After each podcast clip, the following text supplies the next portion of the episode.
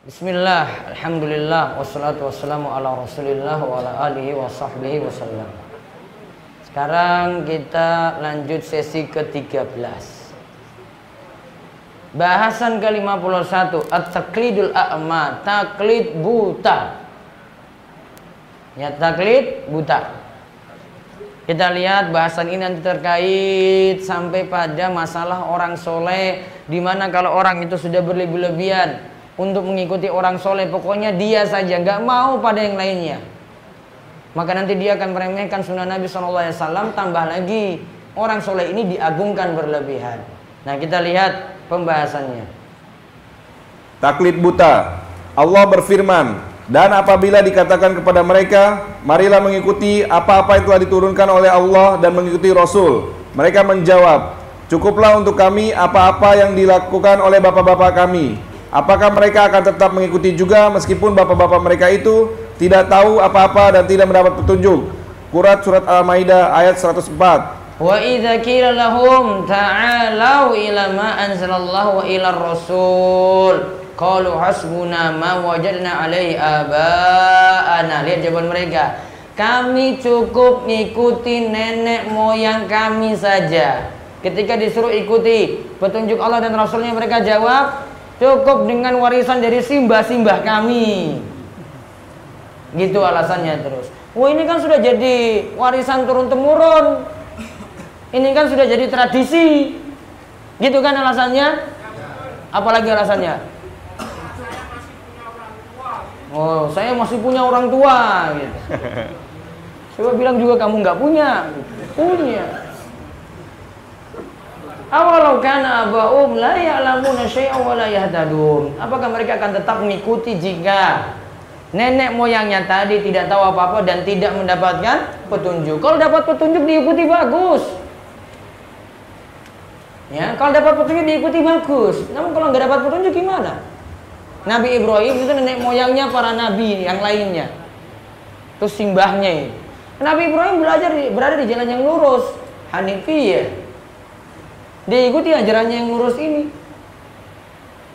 Ya, maka kadang Nabi SAW itu mendakwahkan kaumnya dulu orang-orang musyrik karena mereka lebih yakin kepada ajarannya Nabi Ibrahim. Mereka ingat, woi ajarannya Nabi Ibrahim itu kayak saya bawa ini di atas petunjuk.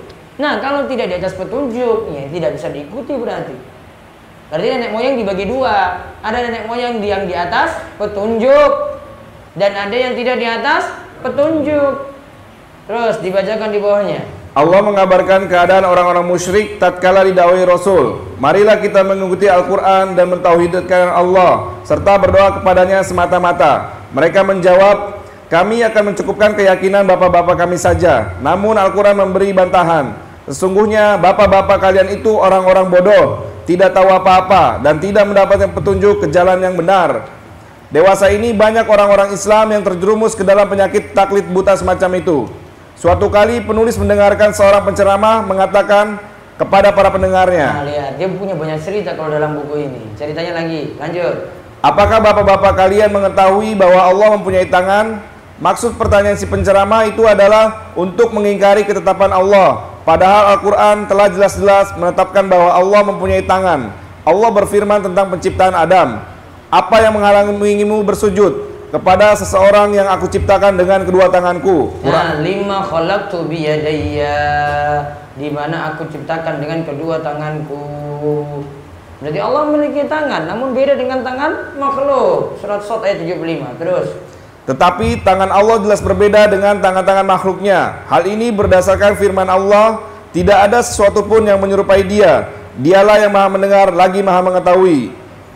Quran surat Asyura ayat 11. Dewasa ini ada bentuk taklid buta yang sangat berbahaya, yaitu taklid kepada orang-orang kafir dalam kemaksiatan, buka-bukaan aurat, berpakaian ketat dan lain-lain.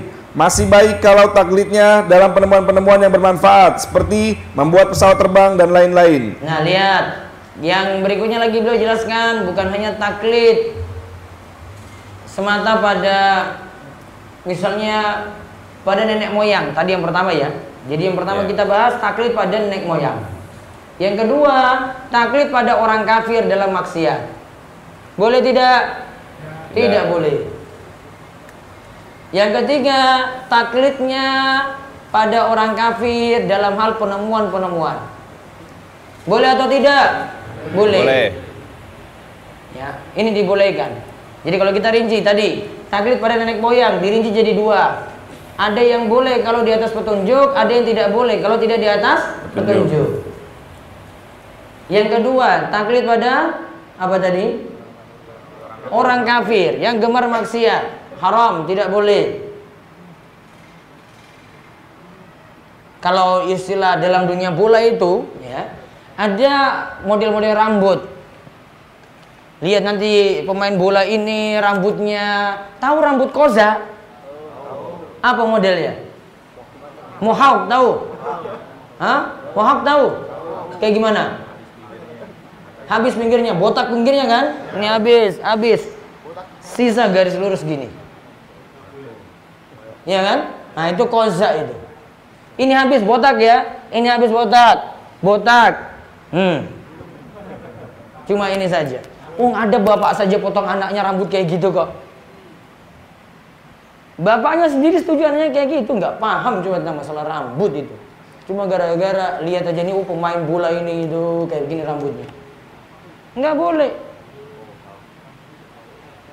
Itu contohnya dalam maksiat malah. Haram. Yang ketiga tadi taklid dalam hal penemuan-penemuan orang kafir. Mereka punya HP, kita niru lagi punya, begitu bikin produk sendiri sama. Mereka punya produk apa, kita tiru lagi. Selama tidak melanggar hak cipta misalnya, boleh. Terus di bawahnya lagi.